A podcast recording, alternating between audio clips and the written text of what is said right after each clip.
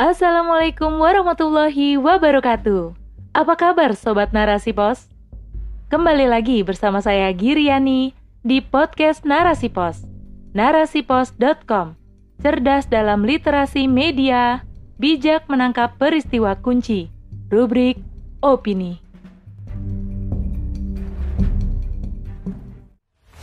Habis premium, terbitlah Pertamax oleh Sartina.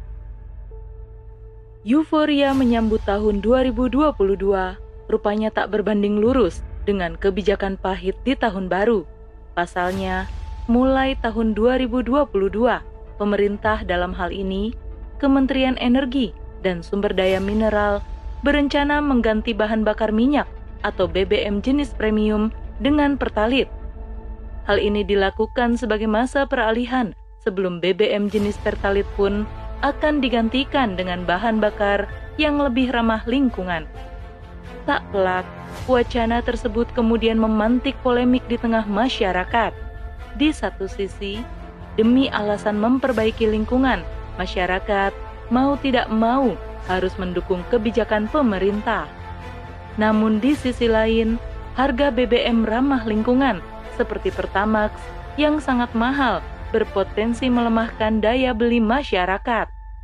Selama ini, premium dan pertalit memang menjadi bahan bakar alternatif yang cukup ramah di kantong masyarakat menengah ke bawah.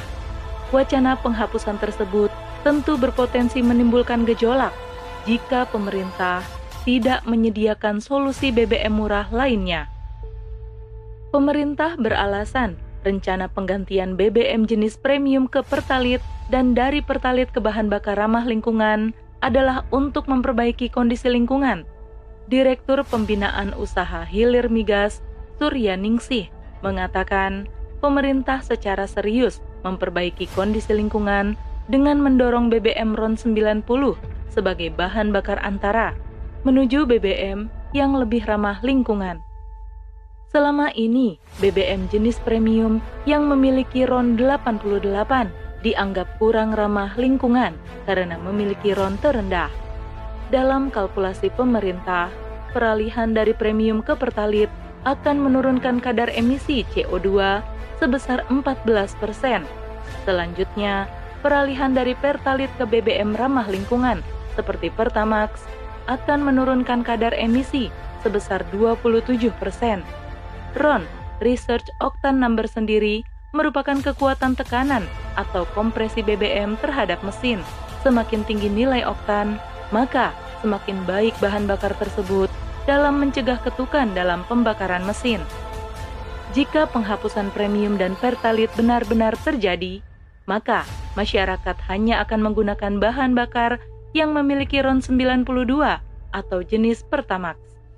Namun yang jadi pertanyaan, Sanggupkah masyarakat membeli bahan bakar jenis Pertamax yang saat ini dibanderol sekitar Rp9.000 per liter dan Pertamax Turbo dengan harga Rp12.000 per liter? Benarkah niat pemerintah menghapus premium hanya murni karena alasan lingkungan atau justru ada motif ekonomi yang tersembunyi di balik layar? Roadmap atau peta jalan peralihan BBM diprediksi menimbulkan efek domino di tengah masyarakat, khususnya kalangan menengah ke bawah yang memang paling terdampak dari rencana penghapusan premium dan pertalit. Akibatnya, masyarakat harus mengeluarkan biaya yang lebih besar untuk belanja energinya. Hal ini jelas menambah beban keuangan rakyat yang sudah sulit. Apalagi tidak hanya rencana penghapusan premium yang menjadi kado pahit di awal tahun. Menyongsong 2022, masyarakat juga harus bersiap menerima kado pahit lainnya dari para pemangku kebijakan negeri ini. Di antaranya, kenaikan gas LPG non-subsidi, usulan kenaikan tarif listrik, dan kenaikan tarif PPN dari 10% menjadi 11%. Kebijakan yang cenderung mencekik terus dirasakan masyarakat negeri ini sudah tak terhitung berapa banyak kebijakan yang konon demi kebaikan rakyat, nyatanya hanyalah omong kosong belaka. Kebijakan tak merakyat tersebut justru menyebabkan daya beli akan semakin menurun karena tingginya harga-harga kebutuhan dasar. Di saat yang sama, bayang-bayang kemiskinan massal terpampang di depan mata. Bila hal ini dibiarkan tanpa langkah mitigasi, bukan tidak mungkin akan mendorong terjadinya inflasi. Namun, inflasi terjadi bukan disebabkan oleh tingginya permintaan dan meningkatnya daya beli, melainkan karena kebijakan pemerintah. Harga bahan bakar minyak yang cenderung mahal di tengah melimpahnya sumber daya alam menjadi ironi di negeri ini. Terlebih untuk BBM yang lebih ramah lingkungan seperti Pertamax. Mahalnya harga tersebut karena BBM jenis Pertamax dijual mengikuti harga internasional. Selain itu, adanya privatisasi dan liberalisasi di sektor migas menjadikan sumber-sumber kekayaan negeri ini berpindah ke pemilikan ke tangan para kapitalis. Maka tak heran jika rakyat terpaksa membayar mahal untuk sekedar menikmati bahan bakar minyak. Jika niat penghapusan premium dan pertalit benar-benar untuk memperbaiki kondisi lingkungan, maka hal itu patut diapresiasi. Sayangnya, sebagian pengamat menilai bahwa rencana penghapusan premium dilakukan karena motif ekonomi, yakni untuk melakukan penghematan karena membengkaknya APBN. Bengkaknya anggaran menyebabkan utang pemerintah mencapai 6.711 triliun rupiah Sementara di sisi lain, pemerintah dituntut menurunkan tingkat anggaran di bawah 3% hingga 2023.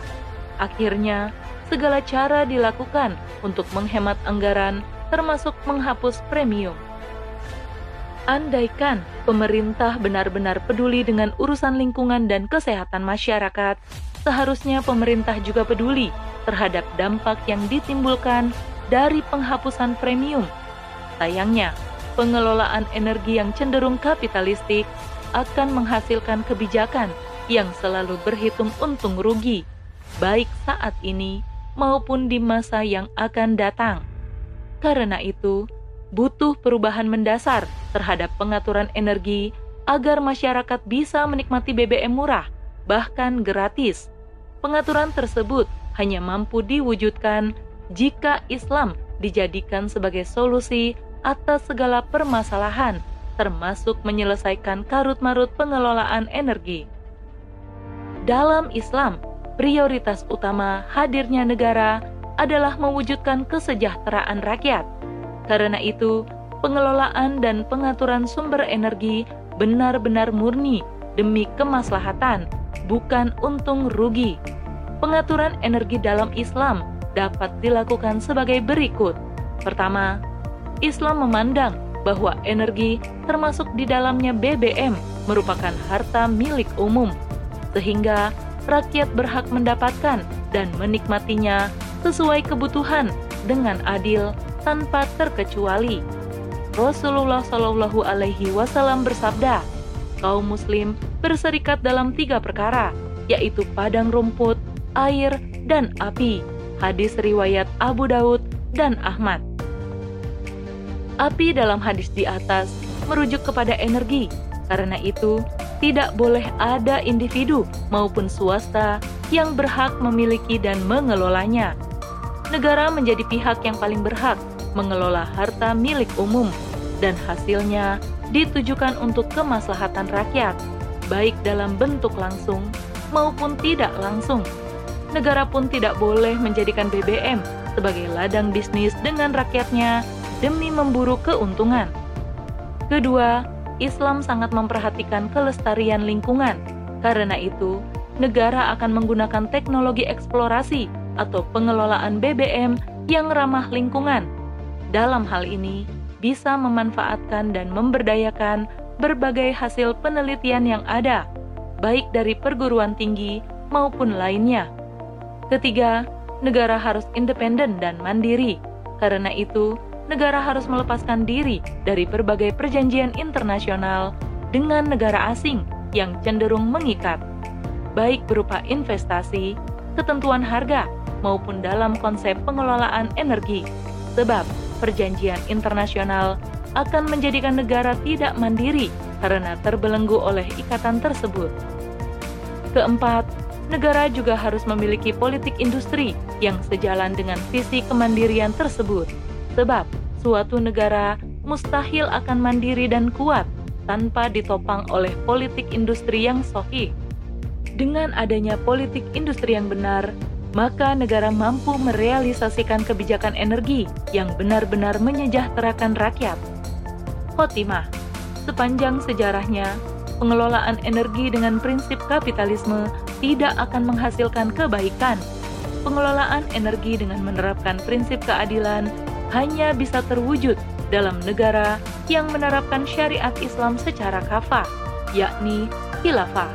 Dengan prinsip pengelolaan Islam, bahan bakar minyak tidak lagi menjadi barang mahal yang sulit dijangkau oleh masyarakat.